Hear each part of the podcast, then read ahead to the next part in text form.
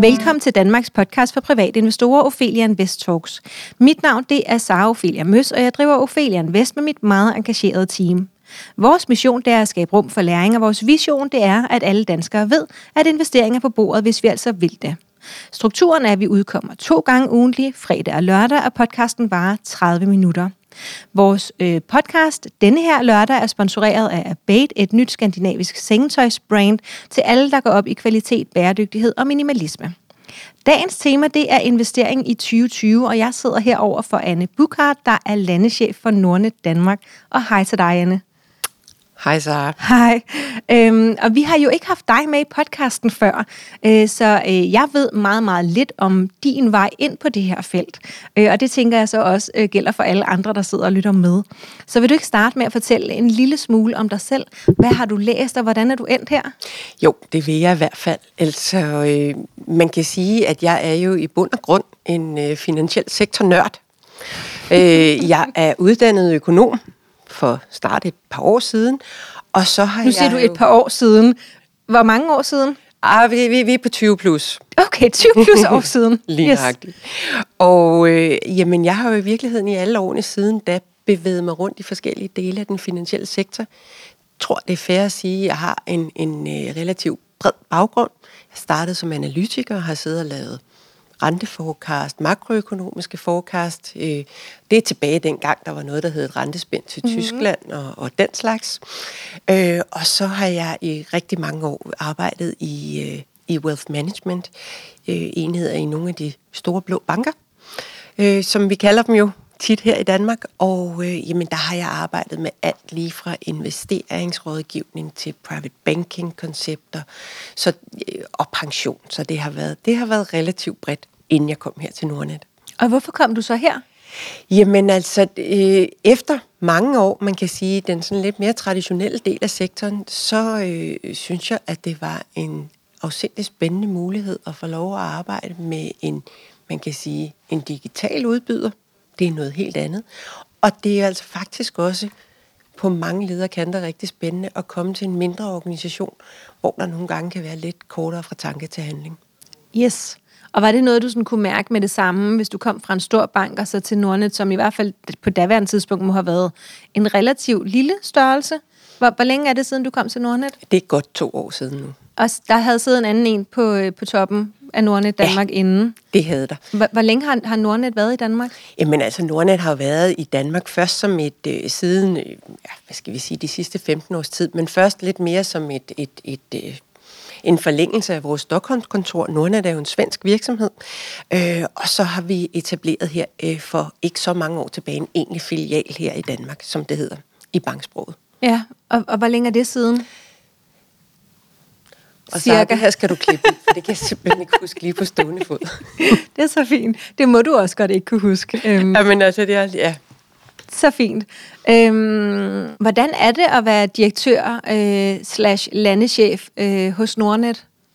Jamen altså, for mig der er det et super spændende job. Øh, først og fremmest så er vi jo en øh, forretning i, i, i vækst, og øh, jeg tror, vi alle sammen går på arbejde hver dag med en fornemmelse af, at vi faktisk gør en forskel for rigtig mange danske investorer, og at vi har en mulighed for ligesom at sige, at det vi gør i dag, det kan vi se øh, øh, kommer ud til kunderne i morgen, mm. og vi kan se resultaterne i, i, i vores forretning dagen efter igen. Og det er egentlig noget af det, som jeg synes er sindssygt spændende. Det er det her med, at øh, det med at, at drive en forretning, det skal gå fuldstændig hånd i hånd med, at man fra morgen til aften er optaget af, hvad er det, der rammer vores kunder. Mm. Og øh, hvor, mange, hvor, hvor mange lande er det, som Nordnet er i? Er det Danmark, Norge, Sverige? Nordnet er i øh, hele Norden, så det er Danmark, Norge, Sverige og Finland. Yes. Og vi har samlet set over 1,1 million kunder i øh, Norden i dag. Ja, og hvor mange af dem er i Danmark? Og i Danmark, jamen udgang af tredje kvartal, der havde vi 172.000 øh, godt og vel kunder 172.000. Og kan det passe, hvis jeg siger, at det ikke er så længe siden, I havde 100.000? Det var i januar 2019, så det er ja, rigtigt. Ja, så på det øh, går lige knap to år, eller halvandet år i virkeligheden nok nærmere, der har I fået øh, en, en, ikke en fordobling, men en 50% stigning. Ja, hvis vi ser på det, har på på det, år. ja. Og øh, man kan sige, jamen, hvis du ser bare her i, i 2020, der har vi faktisk en, til, en, en kundetilvækst på lige knap 60.000 nye kunder i dag. Ja. Så øh, det går rigtig, rigtig stærkt. Har det også gjort det i de andre lande? Det har det, ja. Øh, jeg vil sige, der, der er nok ekstra meget fart på i Danmark, men det er en tendens, vi, vi, vi ser. Men, men, men Danmark øh, løber nok en, en smule stærkere. Er det fordi, der er færre konkurrenter i Danmark i forhold til i Sverige? Jamen, jeg tror i virkeligheden, altså jeg, 2020 har jo været et fantastisk spændende år, både at være Nordnet, men jo også at være dansk investor. Øh, man kan sige, at vi har alle sammen været meget præget af coronakrisen, mm. og det har selvfølgelig været den mindre opmuntrende del af, af 2020. Men på den mere positive side, så vil jeg sige, at jeg tror, når vi kommer til at kigge tilbage på 2020, så er det der, vi kommer til at se en stor vending i den danske aktiekultur eller investorkultur. Og hvad var det, der gjorde det? Jamen, altså, der, jeg tror, at det, jeg ser det som lidt en ketchup-effekt. Fordi, øh, og, og det er også lidt at gøre med det, vi talte om lige før, med forskellen mellem Danmark og nogle af de andre nordiske lande, fordi vi har ikke den store tradition for aktiekultur eller investorkultur i Danmark. Og øh, mm, man kan sige, hvad har vi set her i 2020? Vi har set et øh, coronaår med meget stor volatilitet på aktiemarkedet. Så det vil sige, det har svinget meget op og ned? Der har været rigtig mange udsving, og det har gjort, at der er mange, der har sagt, hold da op, at det her i virkeligheden, det, det, det lyder spændende. Det kunne være, at jeg skulle stikke en tog i vandet, og det kan være, at der er nogle muligheder for at komme ind på nogle fornuftige niveauer. Så vil jeg sige, at coronakrisen har ramt nogen hårdt på økonomien, men der er også mange andre, dem der stadigvæk har deres, måske deres faste løn og deres job, de har faktisk mindre at bruge penge på, end de plejer. Og, Og vi- måske også lidt mere tid, fordi de er derhjemme mere. og de har god tid. Og øh, man kan sige, at de rejser ikke. Øh, de holder ikke keder os, fester. Anne, vi og, og, os ja, meget. det sker engang imellem. og der kan vi altså se, at det her med at, at øh, investere sine penge, det har taget et kæmpe ryg. Mm. Samtidig tror jeg ikke, du skal undervurdere, der er faktisk to faktorer mere. Den ene, det er jo i virkeligheden, at... Øh, at hele denne her coronatilværelse, vi lever, den har jo betydet et kæmpe skub for alle digitale forretningsmodeller, hvis man kan sige det sådan. Vi er alle sammen på godt og ondt begyndt at bruge langt flere øh, øh, digitale øh, services, og øh, det betyder selvfølgelig også noget i, øh, i forhold til, til sådan noget som investeringsvaner. Ja, så, så endnu mere online bank og børsmaler, endnu mindre den fysiske bank. Lige præcis. Ja. Og den sidste ting, negativ renter på kontante indestående, det kan vi også se, at der er rigtig mange kunder, der siger, ah, var det ikke lige anledning til, at jeg skulle til at tænke Ja, kan det om?" virkelig være rigtigt? Ja. ja. Øhm, hvordan, øh, hvordan ser en typisk arbejdsuge ud for dig, hvis der er noget, der er typisk overhovedet? Jamen, jeg vil sige, jeg tror, jeg har en meget øh, traditionel kontorarbejdsuge. Jeg går på arbejde inde på Havneholmen øh, hver dag. Jeg, I København? Det er i København. Det er ja. i nærheden af Fisketorvet. Og øh, vi sidder oppe på syvende sal og kigger, kigger ud over byen. Øh, og øh, jamen, altså, vi er selvfølgelig ikke så mange på kontoret, fordi vi, vi har nogle coronarestriktioner. Så vi holder møder, øh, små møder fysisk, måske med god afstand, og ellers så holder vi rigtig mange online møder. Og øh, ja, jeg snakker med medarbejdere, jeg snakker med samarbejdspartnere, og jeg snakker med mine kollegaer i, i de andre nordiske lande. Ja, Så hvor, hvor meget interaktion har du med, med de andre landechefer? Jamen, vi har meget interaktion, fordi man kan sige, jo, landene er meget forskellige på nogle punkter, og så er der nogle områder, hvor vi har rigtig mange øh, interessesammenfald. Hvis der er noget, der især har været anderledes her i 2020, så er det, at jeg plejer at rejse til Stockholm i hvert fald et par gange om måneden. Øh, jeg, har, jeg har været der to gange år til dato. Ja. Det, det, det er næsten den største forandring. Har du kunne mærke, at, øh, at, at corona-året 2020 har givet dig mere fritid? Nej. Okay. Hvor, hvor meget arbejder du øh, på sådan en gennemsnitsuge? Jamen altså, det er et godt spørgsmål, og jeg, tæller, jeg skal være ærlig at sige, at jeg tæller faktisk ikke timerne. Det regnede jeg heller ikke med. Øh, fordi hvis jeg gjorde det, så skulle jeg tælle langt. øh, men, men jeg har det heldigvis sådan, at jeg synes, at mit arbejde det er super spændende, og øh, der er også store udsving i, hvor meget jeg arbejder, men øh, en 50-60 timer skal den nok komme op på. Ja, og så at du møder øh, tidligere om morgenen, ikke? og så arbejder du lidt efter aftensmaden også. Er det sådan noget, den Ja, lige præcis. Ja, der skal jo øh, gøres plads til alle de timer øh, på en eller anden måde. Øh, hvordan, øh, nu, nu, nu snakker vi lidt om, at I har fået en masse nye kunder. Hvordan går det for Nordnet? Jamen, øh, det går rigtig godt for Nordnet, og øh, øh, der har jo været, der, det har der også været sådan ret meget spotlight på her. Vi er jo lige præcis ved at afslutte en børsnotering. Altså det vil sige, at når vi øh, går i luften her øh, på denne lørdag, så er I faktisk øh, børsnoteret? Det er vi. Yes. Vi har første handelsdag på Nasdaq Stockholm onsdag den 25. november. Yes, yes. Så, øh, Hvad ja. har du af forventninger til, øh, til sådan de første dage på børsen? Jamen, øh, altså, vi, vi synes jo, det er super spændende, det her. Øh, det er der slet ikke nogen tvivl om. Og øh, vi, vi kender ikke... Jeg, jeg, jeg er nødt til at sige, at, at mens vi sidder her, jeg kender jo simpelthen ikke tallene for, Nej. hvad er det for en kurs, vi kommer ud på, og hvordan bliver tegningen, og, og, og så videre, så videre. Øh, der må vi... Der, må, der venter vi selv i spænding Ja. øh, nu her. Men øh, jamen, altså, vi, vi, vi håber selvfølgelig, og, og at der bliver taget godt imod mm. den nye Nordnet-aktie. Ja, og det er jo så ikke Nordnet Danmark, men Nordnet Skandinavien. Lige præcis. Ikke? Det er det, det store Nordnet, der Lige bliver børsnoteret. Ja. ja. Så det vil sige, så nu kan man både være kunde og så handle aktier i jer, ligesom man har kunnet med Danske Bank og Jyske Bank og, og så videre derudad. Ikke? Nu bliver I bare også sådan en, man også kan handle aktier i, udover at være kunde præcis. hos. Ja. Så i virkeligheden måske mere sådan ligestillet med de traditionelle banker? Jamen, jeg ved ikke. Jeg tror ikke, det er det, der gør, om, om, om man er ligestillet eller, eller ej i virkeligheden. Altså, det er jo, en, øh, det er jo i virkeligheden en ejerstruktur. Ja. Nordnet var børsnoteret indtil for knap fire år siden. Okay. Så, øh, og blev så afnoteret i forbindelse med, at der kom et, et, et skifte i ejerkredsen, og der blev lavet nogle meget store investeringer i vores IT-platform. Okay. Så det er ligesom for os det naturlige. Vi er ikke ude at hente kapital og så videre. Det, det er et naturligt næste skridt i forhold til, nu den del af processen overstået. Nu skal Så vi tilbage, ud tilbage på børsen, som ja. ja. Det giver super god mening. Øhm, hvilke ambitioner har du for den danske afdeling af Nordnet sammenlignet med for eksempel den svenske? Jamen altså, jeg har en kæmpe stor ambition med den, øh, med den danske afdeling, og øh, man kan sige, det, det handler meget om det med, denne her, med den danske investorkultur og aktiekultur. Øh, jeg synes faktisk, Nordnet øh, både har potentialet og også i realiteten spiller en vigtig rolle i forhold til den helt almindelige private investor i Danmark. Øh, og jeg synes jo i den grad, vi har brug for noget mere aktiekultur, noget mere investeringskultur i Danmark. Det her, vi talte lige før om det her med negative renter, der er jo ekstremt mange milliarder, som danskerne har stående kontant på kontoen i, i, i de her år. Øhm, og jeg kan blive ekstra ærgerlig, når jeg kan læse om, at det især er kvinder og så videre, der ikke får investeret.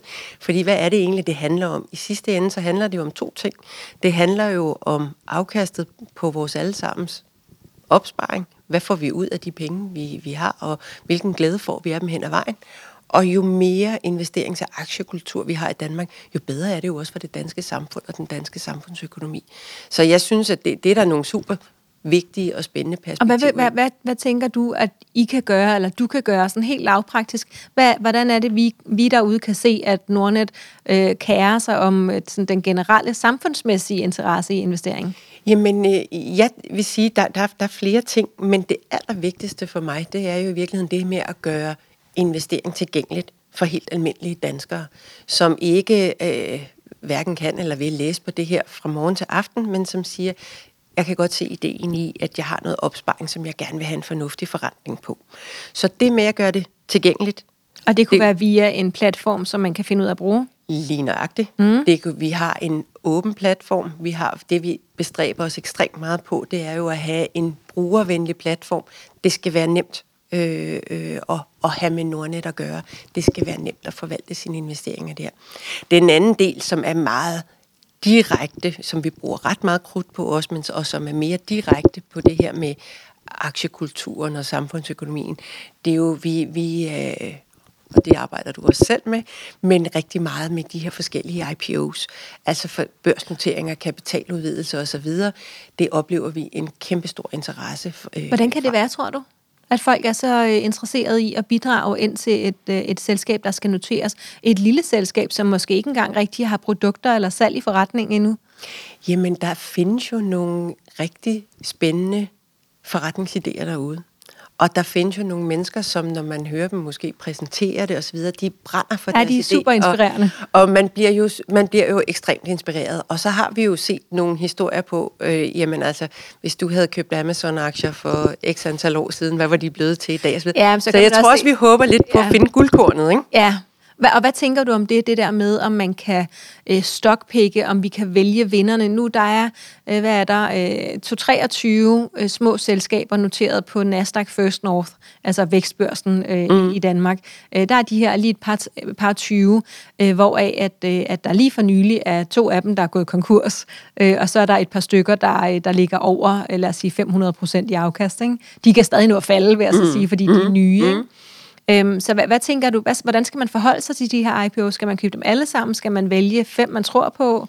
Hvad vil du gøre? Jamen, altså jeg vil sige, man skal tænke over, at der er altid en større risiko, når man vælger enkel aktier frem for et bredere indeks. Øh, det kan være en, en aktiv forvaltet investeringsforening, det kan være en indeksfond, det kan være en ETF.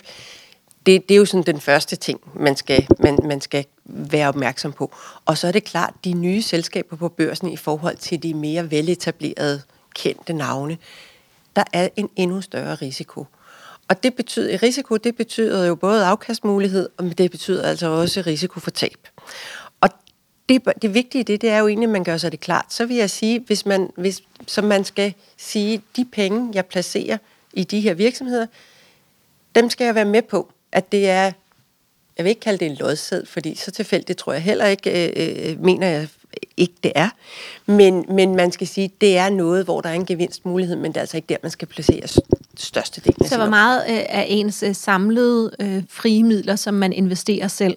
Hvor, hvor meget synes du, der skal gå til de her små, øh, små selskaber?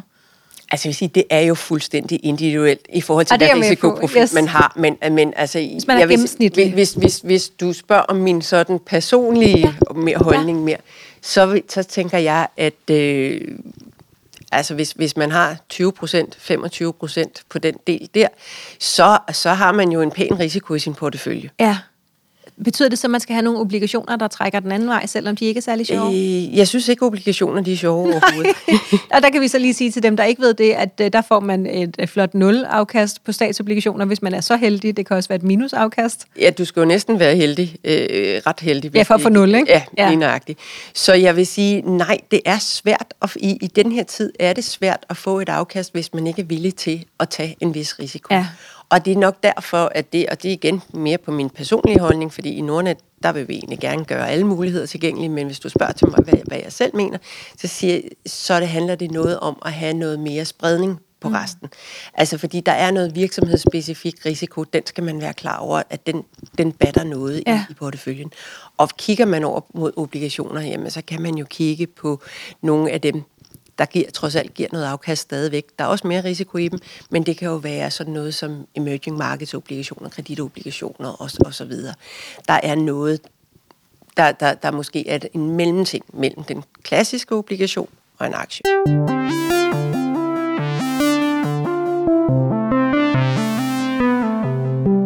Ophelia Invest Talks er sponsoreret af Bait, et nyt skandinavisk sengetøjsbrand til alle, der går op i kvalitet, bæredygtighed og minimalisme. Abate er skabt af piloterne Christian og Leo, der efter at have sovet på hoteller over hele verden, var skuffet over kvaliteten af det sengetøj, de mødte på deres vej. De trak i iværksættertøjet og udviklede Abate en utrolig smuk serie sengetøj lavet af håndplukket egyptisk bomuld. Sengetøjet det er tyndere og blødere end almindelig sengetøj, men stadigvæk mere holdbart. Og så er det hele økologisk certificeret. Vævning og syning foregår i Portugal, og de to piloter har stort fokus på korte produktionsruter. Hvis du bruger rabatkoden Ophelia, så får du 25% rabat, og jeg vil opfordre dig til at tjekke deres meget smukke og inspirerende Instagram-profil ud. Alle tider, og rigtig spændende at høre dit personlige bud, fordi jeg tænker mere 10% i de her små selskaber, øh, og så gerne i, i hvert fald 10 forskellige.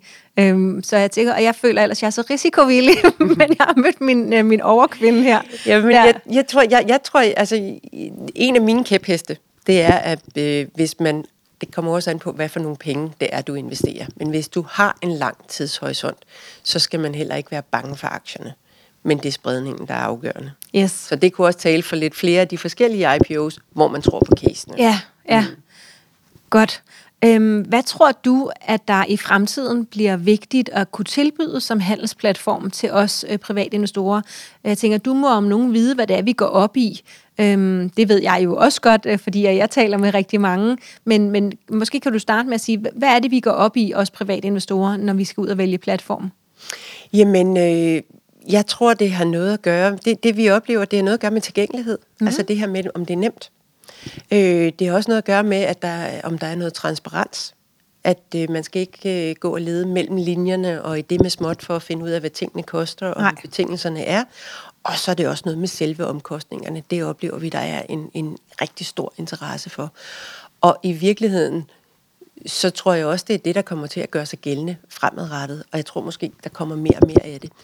Øh, jeg vil så sige, at når jeg kigger ud over sådan det danske investeringslandskab, hvis jeg må kalde det det, så kan man sige, at online-platformene er jo med til at give, øh, har i, gennem mange år været med til at give rigtig meget konkurrence, når det handler om, om aktiehandel.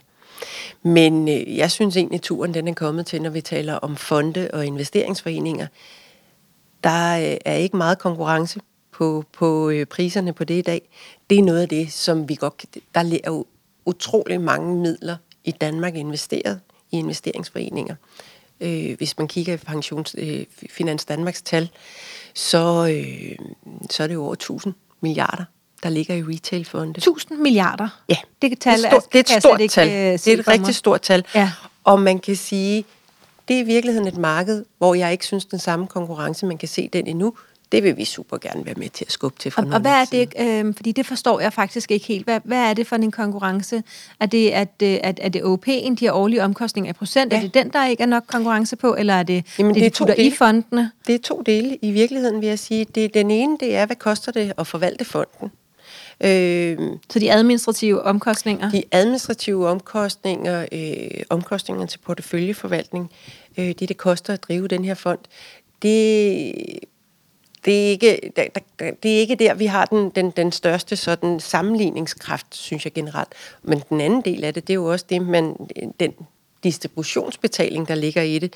Det er sådan lidt teknisk, men hvis vi taler om det, der hedder formidlingsprovision, det har der også været meget debat om i forhold til Det er det, som ligger mellem, mellem jer og investeringsforeningen? Det er i virkeligheden det, den betaling, som bankerne får for at formidle investeringsforeninger. Øh, og der er I også bank? Og den vej rundt er vi også bank. Ja. Og der vil jeg sige, at øh, men vi, vi er nok også den eneste bank, som giver en rabat på den her formidlingsprovision i Nordnet. Og øh, jeg synes jo altid, til det har været lidt eller investeringsforeningen? Til kunden. Ja. Det, det er simpelthen en rabat, kunderne får øh, Rabattrappen, tilbage. det er den, du mener. Yes, rabat. Hvis du ikke ved, hvad rabattrappen er, dig der lytter med, så har jeg skrevet en artikel om det, som ligger inde på Nordnets blog. Den hedder bare rabattrappen. Yes. Super god artikel, jo. Tak skal du have. men, øh, men, men det her med, med og, og det, der, mange de står lidt af, når man siger ordet formidlingsprovision. Ja. Puha, det er helt uoverskueligt ja. osv. Men det, jeg vil sige med det, det er jo egentlig, der er konkurrence på så mange ting i vores samfund. Og på så mange ting. Altså, folk de sidder jo og sammenligner den sidste decimal på et realkreditlån. Og på smør.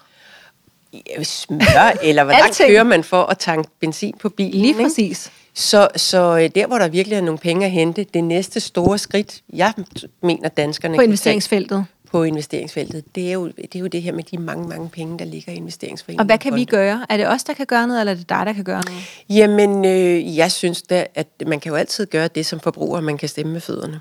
Ja. Og øh, det, man kan gøre, det er det her med at sammenligne OP. Øh, øh, som det gør vi. Den er rigtig, rigtig god. Ja.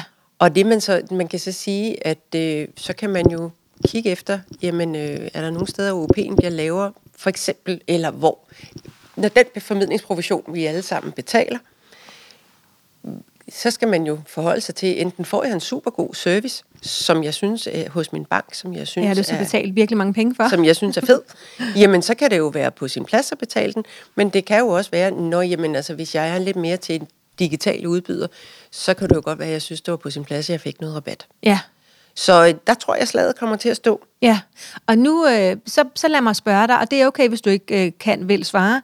Øh, hvad synes du, at en aktivt forvaltet fond bør koste i OP? Og det må godt være sådan mellem det og det. Jamen, altså, Det er, det, det er faktisk et spørgsmål, jeg synes, det er umuligt at svare på. Og Yes. grunden til det, det er, at vi er jo alle sammen glade for at betale for en aktiv forvaltet fond, hvis den giver os et super godt afkast. Men det her med at finde ud af, hvad det er for fonde, der giver et super godt afkast, det er desværre, vi kan, du kan have performet super godt som porteføljemanager de sidste fem år, og så har du et kæmpe drop i Ja. 2021. Ja. Så øh, Er der, Ja. noget, er, du, er der noget, hvor du tænker sådan, det der, det vil jeg ikke betale? Jamen, øh, jeg vil sige, jeg, skal, jeg, jeg, jeg kan sagtens finde på at investere i aktive fonde, men så er det nogen, jeg vidderlig har relativt stor tillid til. Øh, jeg kan godt lide at kigge på Morningstar-stjerner. det er jo en kombination, Morningstar giver jo en kombination af afkast, omkostning og risiko i en fond. Øh, hvordan har det set ud over en årrække? Det er stadigvæk ikke nogen garanti for fremtiden, men det er alligevel et meget godt... Indikator, Det er, ja. det, det er en indikator, man kan Og Morningstar er en hjemmeside, morningstar.dk, og så kan man for eksempel sammenligne fonde, screene fonde og alt muligt andet. Du kan gøre præcis det samme inde på nordnet.dk. Ja. Der kan du også screene fonde, og vi bruger også Morningstars data derinde. Det er nok også der, jeg er ret begejstret ja. for dem. Men du kan screene fonde. Du kan sige, at jeg vil gerne have et overblik over, hvilke indeksfonde bliver der udbudt i det danske marked. Ja. Bum, så har du en liste over dem. Øh, og det kan du, du kan sige, jeg vil have dem, der har fem stjerner i Morningstar. Bum, så har du en liste over dem. Øh, Hvis vi lige vender tilbage til det, som var vigtigt i fremtiden at tilbyde som handelsplatform, øh, så sagde du, at det skulle være nemt, øh, der skulle være transparent, og der skulle være øh, fornuftige omkostninger, altså noget, vi har lyst til at betale. Ikke? Øh, jeg, jeg tænker, at du at I opfylder dem. Ikke? At du synes, at det er nemt og transparent og med gode omkostninger Det det, på vi, Nordnet. jeg vil sige, jeg ved ikke, om man nogensinde når i mål med det, men det er i hvert fald, Vi arbejder vi, på det. vi arbejder stenhårdt. Er der noget, der ligger? Øh, har, I, har I noget spændende i pipeline? Øh, jeg ved, at du har tidligere udtalt, at aktiesparekontoen, I skulle lige se tingene an. Øh, så har jeg hørt, at I så nu har set tingene an, og gerne vil introducere en aktiesparekonto. Er det rigtigt? Det er rigtigt. Ja, og det undrede mig nemlig, og, øh, fordi at nu har de jo amputeret den, kottet den af ved knæene, sagt, I må aldrig putte mere end 100.000 ind med den siddende regering, øh, med Arne for livet og alt det her. Ikke? Der, der blev den ligesom amputeret lidt. Hvordan kan det være, at I så tænkte, nu gør vi det, nu hvor den endte på 100.000? Jeg, jeg, jeg skal være ærlig at sige, at øh, som det, det er fuldstændig rigtigt, øh, øh, som du beskriver det. Vi har taget en, en meget, meget dyb indånding øh, omkring aktiesparekontoen, fordi jeg kan sidde og sammenligne med, hvordan de tilsvarende konti de ser ud i Sverige og i Norge og i Finland, og den danske, den halter bare langt bag. Jamen sådan helt håbløst. Hvis vi siger, at de andre er gamle mennesker, så er det her ikke engang en baby. Det er øh, ikke engang en baby nu. Altså det er... Øh, der, der, der er et stykke vej igen. Er der- det, der er et det, det, det er en fair beskrivelse. Yes. Og, man, og, og da vi så tog denne her beslutning, så var det faktisk på baggrund af en forventning om, at nu havde vi set, at loftet var blevet hævet til 100.000, og vi regnede med, at nu kommer det så også op til de 200.000. Og så nåede de lige at komme og amputere den. Efter Og så kommer de umiddelbart bagefter og siger, men jeg vil sige, at jeg har taget mine optimistiske briller på. Okay. Øh, nu, nu har vi lovet den øh, til vores kunder. Og, Hvornår kommer den? Og andet halvår øh, Først andet 2021. Er, Yes. er, ja, og jeg tror ikke, det bliver i starten af andet her. Det, det bliver i løbet af 2021, formentlig mod slutningen af året. Yes. Øh, for jeg skal også sige, at det er, en, det, er en, det er en kompleks ting at udvikle. Lige præcis, og det var faktisk også det, jeg synes var, øh, var ret fedt, at du var ude at sige, da I valgte i første omgang lige at se tiden an, øh, fordi at det er en politisk beslutning, aktiesparekontoen, så det er ikke noget, I selv kan styre.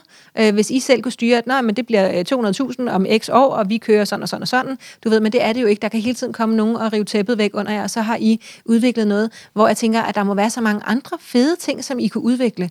Og er der ikke det, Anne? Jo, jamen altså, vi har jo kæmpe lister med ting, som vi, øh, som vi rigtig gerne vil. Øh, men men øh, i virkeligheden, så har vi jo også nogle ting på vores platform nu, som vi har, som vores kunder nu først er ved at få øjnene op for. Og det er jo sådan noget som vores månedsopsparing, den er relativt unik i det danske marked. Vi har vores nye indeksfonde, de, de, de, de er også tør jeg godt sige, relativt unikke i det danske marked. Øh, vi har vores porteføljelån, der er relativt unikt. Altså, vi, vi, har nogle, vi har faktisk nogle ting allerede, som vi er født med, som vi, har, øh, som vi har rigtig meget fokus på. Så vi starter egentlig meget med det, vi har. Så udvikler vi hele tiden på platformen, og så vil vi rigtig, rigtig gerne have aktiesparekontoen og kunne udbyde den i en gang i slutningen af 2021. Yes. Og så har jeg altså alle fingre krydset for, at øh, politikerne de kan finde En et dag. flertal En dag. for at, at skubbe den grænse lidt højere op. Ja. Fordi det, det, det, det bliver lidt småt, den gevinst, der er øh, ved den nu. Ja. Øhm, hvordan ser du tilbage på investeringsåret 2020?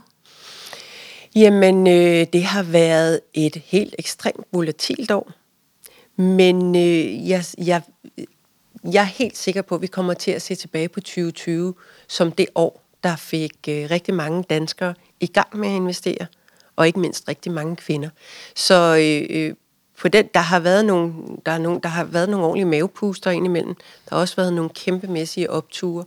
Øh, men jeg tror, at det, der vil stå tilbage, det simpelthen er det her, vi så skiftet i, at danskerne for alvor begyndte at få øjnene op for investering. Det er sådan, jeg ser det. Er det rigtigt? Nå, det var en meget positiv note. Øhm, et kort spørgsmål til dig. Øh, hvordan investerer du selv? Jamen, jeg var inde på det lidt tidligere. Jeg investerer ret langsigtet. Det vil sige, at jeg har det kan sagtens være en relativ øh, stor risiko. Det hænger nok også sammen med, at jeg først og fremmest investerer mine pensionsmidler. Dem øh, skal jeg trods alt ikke bruge alle sammen lige med Vil det du første. afsløre, hvor gammel du er? Jeg er 51. 51, ja. Så øh, med, med, med den seneste folkepensionsalder, jeg er på arbejdsmarkedet rigtig mange år nu. yes. Øh, Så høj risiko i pensionen? Høj risiko, øh, mange aktier, Øh, og så egentlig, øh, men, men også andre ting. Jeg har også noget, noget private equity fonde, jeg har flere forskellige ting, og det er i virkeligheden noget, jeg vælger ud fra, hvad synes jeg er en spændende investeringscase, jeg tror på. Og så jeg, øh, jeg, jeg ligger ikke og handler på daglig basis, det må man heller ikke i mit nej, job. Nej. Så, øh, Hvor mange bliver, forskellige enkeltaktier har du uden for pensionen? Ved du det? Jamen, øh, på tasken? Åh, det, det, det kan nok tælles på et par hænder. Okay, et par, så, så 10 max? Ja. Okay, okay.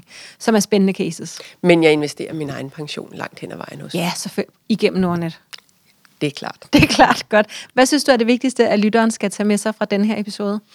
Jamen, øh, jeg synes, man øh, skal tage med sig, at øh, der, der simpelthen er, er ved at ske noget med, med den danske investeringskultur. Så hvis man har en, et, et lille frø i maven, som øh, siger, at det kunne godt være, at øh, der var nogle penge, der stod og trak negative renter, eller noget andet, man skulle gøre med sin private økonomi, så er der så mange muligheder nu her. Øh, der er så mange muligheder for at blive klogere og tænk på, at det er noget, man kan gøre. Man behøver ikke investere hele sin fritid. Øh, det, så just do it. Ja. Godt. Altid. Jeg kom i gang. Tusind tak, fordi du vil være med, Anne. Du kan følge Ophelia Invest på Facebook, Instagram, YouTube og LinkedIn. Øhm, feedback er altid velkommen. Har du ris, ros eller forslag, så send os en mail på kommunikationssnabelagopheliainvest.dk.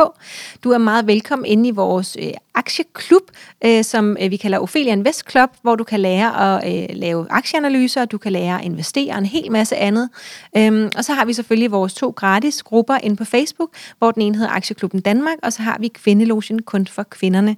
Og der er vi altså 20.000 i alt nu. Og så er der bare tilbage at sige tusind tak, fordi du lyttede med. Música